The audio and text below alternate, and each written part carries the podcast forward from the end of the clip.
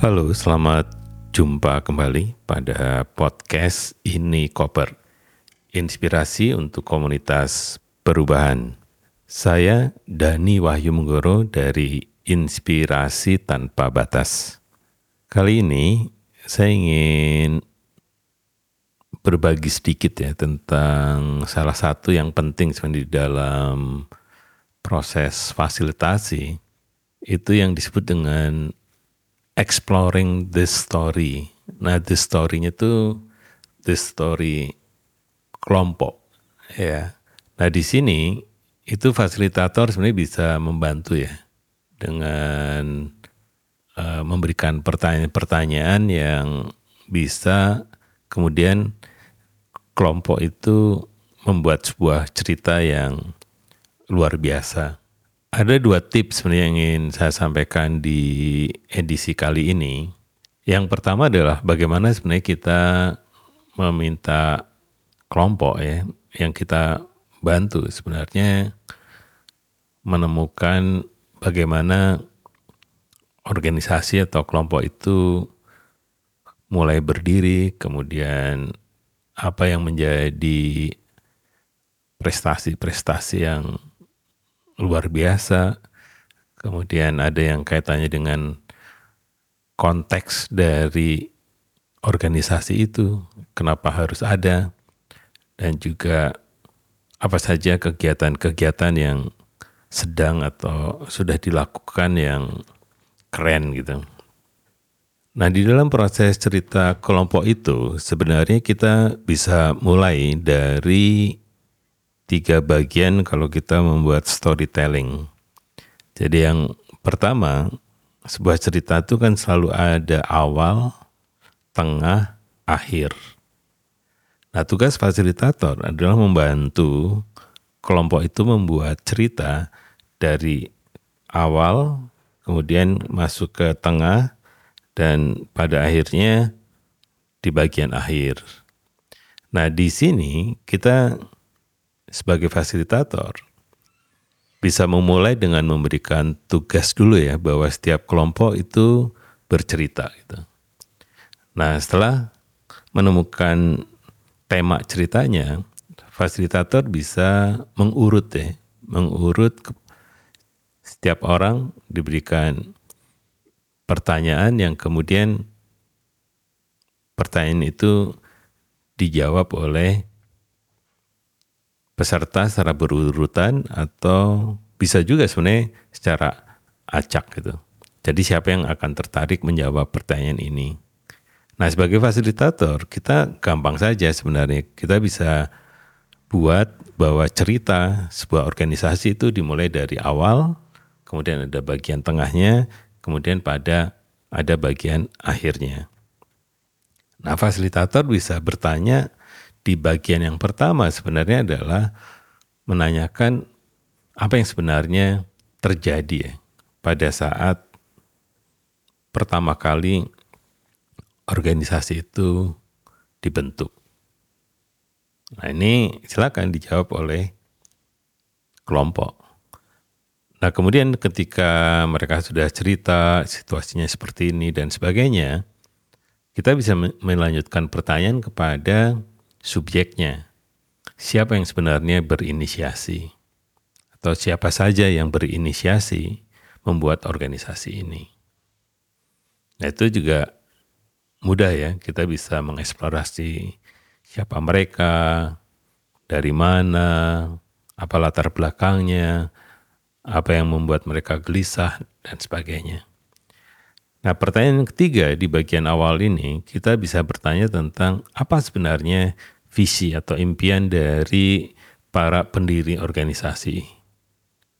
Nah, ini sama lagi ya, masing-masing akan bercerita tentang visi, impian ya. Kemudian juga mission atau kondisi-kondisi yang ingin dibayangkan terjadi Nah, baru di tahapan ini kita bisa tutup dengan pertanyaan yang keempat. Apa saja yang sebenarnya mereka lakukan? Atau apa saja yang akan di, dilakukan atau dilakukan oleh organisasi ini? Itu bagian pertama kita bisa explore tuh ya untuk mengkonstruksikan ulang dari bagaimana sebuah organisasi itu terbentuk. Nah di bagian tengah sebenarnya kita mulai menanyakan tentang ya kalau cerita ya kita mulai kalau di awal kan ada pengantar-pengantar ya untuk untuk melihat konteksnya gitu kenapa organisasi ini dibuat gitu. Nah di bagian tengah sebenarnya kita ingin menanyakan bagaimana organisasi itu merespon ancaman, tantangan, dan juga peluang Nah, fasilitator sebenarnya bisa menanyakan mulai dari tokoh nih menemukan tokohnya. Siapa sebenarnya karakter inti dari organisasi ini? Ya Pak, kadang pendiri kan sudah tidak terlibat ya. Jadi siapa yang sebenarnya tokoh-tokoh yang dianggap membentuk organisasi ini? Pasti ada beberapa kan, ada orang-orang yang kadang yang di lapangan siapa, kemudian di manajemen siapa, kemudian juga di leader siapa. Di sini sebenarnya kita bisa cerita kalau memang itu ada tokoh-tokoh atau karakter-karakter yang mempengaruhi organisasi ini, apa yang sebenarnya terjadi saat ini. Jadi mulai di, ditanya tentang apa yang sebenarnya terjadi saat ini, apakah sedang hebat-hebatnya sedang tumbuh atau sedang gelisah karena mulai declining, ya silahkan di, diceritakan. Kita mulai kaitkan bagaimana sebenarnya kondisi sekarang dengan visi yang sudah ditentukan. Apakah makin dekat, makin jauh, makin kabur, ya makin samar, itu kita bisa memperoleh cerita dari mereka. Nah, di sini sebenarnya adalah kita bisa menanyakan juga kalau demikian apa sebenarnya peta atau cara untuk bisa mempercepat lagi supaya impian-impian itu terwujud. Nah, itu pertanyaan keempat di bagian middle. Ya, jadi pertanyaan empat di bagian middle itu menanyakan tentang semacam apa pattern atau roadmap atau orang menyebutkannya juga apa semacam uh, story of change atau the pathway of change ya itu juga bisa bisa diceritakan gitu. Jadi semacam cerita untuk tetap ke sana ya ke sana tuh ke impiannya itu bagaimana caranya. Nah kemudian kita masuk ke bagian akhir nih ya. Kalau di bagian cerita kan selalu ada bagian akhir. Itu juga kita bisa mulai sebenarnya dengan apa yang terjadi saat ini ya atau apa yang sedang ingin dilakukan ke depan ya bagaimana langkah-langkah itu atau cerita-cerita itu itu bisa menghasilkan hasil yang positif. Nah, di sini kita sebenarnya kalau dalam proses fasilitasi menanyakan asumsinya gitu. Apa langkah baru atau inovasi yang bisa dilakukan atau sedang dilakukan untuk memastikan organisasi ini on track? Nah ini pasti senang tapi juga menantang ya. Nah yang menarik sebenarnya di pertanyaan keempat di bagian akhir itu justru menanyakan sebaliknya gitu. Apa yang harusnya di apa ya dibuang, apa yang seharusnya tidak dilakukan, apa yang seharusnya tidak lagi menjadi fokus dari organisasi ini karena apa yang dilakukan itu justru menjauh organisasi dari visinya.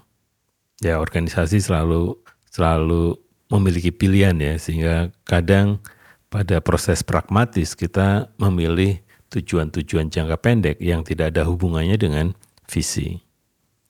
Nah, kemudian bagian penutupnya adalah bagaimana ya, supaya visi organisasi itu bisa diwujudkan. Nah, ini bisa menjadi closing dari cerita sebuah organisasi. Itu bagian yang pertama. Ya, jadi mengeksplorasi cerita dari organisasi. Nah ini penting karena sebenarnya ada hubungannya kalau kita sedang melakukan assessment kapasitas organisasi, maka cerita-cerita ini akan sangat menarik karena tidak lagi dalam bentuk angka-angka yang menyatakan bahwa sudah baik, ini buruk, ini perlu diperbaiki, tetapi sudah menjadi sebuah cerita untuk seluruh anggota organisasi yang terlibat di dalam proses mengeksplorasi cerita. Nah, di bagian kedua sebenarnya kita bisa menggunakan storytelling yang apa? Yang yang khas ya kalau kita baca cerita-cerita anak kan selalu dimulai pada apa? Pada suatu masa gitu ya kan? Pada suatu masa ini menjadi awalan yang menarik sebenarnya untuk organisasi itu memulai cerita. Ya jadi di sini sebenarnya kita ingin ingin membantu organisasi untuk menceritakan sejarah dan konteks dari kelompok ini. Ya, pada suatu saat, nah, pada suatu masa, ya, pada zaman apa gitu ya, organisasi itu dibangun gitu. Jadi misalnya di organisasi saya, itu saya membangun organisasi yang dimulai sebenarnya dimulai saat pasca peristiwa reformasi. Jadi reformasi dalam pengertian aksi ya, event reformasi itu terjadi, kemudian berarti tiga tahun setelah proses itu, itu yang menjadikan organisasi kami harus eksis. Gitu. Nah kemudian sebenarnya kita bisa lanjutkan untuk menceritakan everyday. Jadi kan kalau di film setelah pada suatu masa kita bisa mulai sebenarnya menceritakan tentang keseharian dari organisasi itu. Nah, di sini kita bisa menceritakan tentang problemnya apa, isu-isu yang ditangani apa, itu kita bisa lakukan sehari-hari sebenarnya kita itu melihat atau merespon apa sebenarnya. Nah, ketika organisasi itu berjalan, kita bisa mulai gitu ya. Biasanya kan oh masalahnya ini ya macam-macam begitu.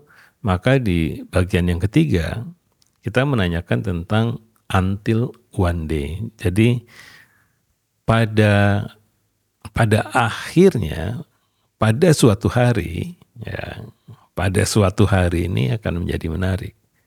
Itu semacam twist ya. Jadi orang mulai mulai melihat bahwa dari masalah mulai ada titik terang gitu. Nah di sini itu isunya tentang apa saja yang menjadi katalis untuk perubahan atau gerakan gitu. Ya gerakan di dalam organisasi itu. Apa yang kemudian menjadi picunya gitu. Untuk lebih cepat, lebih maju, lebih besar dan sebagainya. Nah, kemudian di sini kita bisa mulai cerita ya di bagian yang keempat adalah because of that. Because of that ini maksudnya adalah karena ya perubahan-perubahan itu apa yang terjadi sebenarnya? Apa dampak yang diciptakan atau apa gerakan yang dibesarkan gitu. Nah, di sini kita membicarakan tentang impact dari berbagai intervensi yang telah dilakukan. Nah, kemudian bagian yang kelima sebenarnya adalah kita mulai menanyakan kembali akhirnya ya. Jadi akhirnya kita kan selalu kalau nonton film juga nanti akhirnya gimana ya? Apalagi kalau filmnya episodenya banyak ya, kita udah penasaran pengen tahu akhirnya seperti apa. Nah, orang juga tunggu-tunggu nih akhirnya apa? Ya akhirnya adalah satu langkah-langkah yang harus dilakukan agar tadi tujuan-tujuan itu menjadi pasti digapai gitu. Nah, kemudian kalau ceritanya sudah sampai di sini kan sudah sudah akhirnya ya. Jadi apakah happy ending ya, apakah masih dalam bentuk open ended gitu ya. Jadi masih terbuka, belum tahu hasilnya seperti apa. Dan kemudian kita bisa melakukan reflektif berdasarkan cerita tadi. Apa yang kita bisa pelajari itu di bagian akhir dari satu teknik yang namanya once upon a time. Nah, ini dua cara sebenarnya kita bisa menggunakan storytelling sebagai alat bantu fasilitasi. Itu saja ini koper kali ini. Kami di ini koper selalu percaya berbagi apa pun akan bermanfaat bagi kawan-kawan di komunitas perubahan. Sampai jumpa pada edisi berikutnya.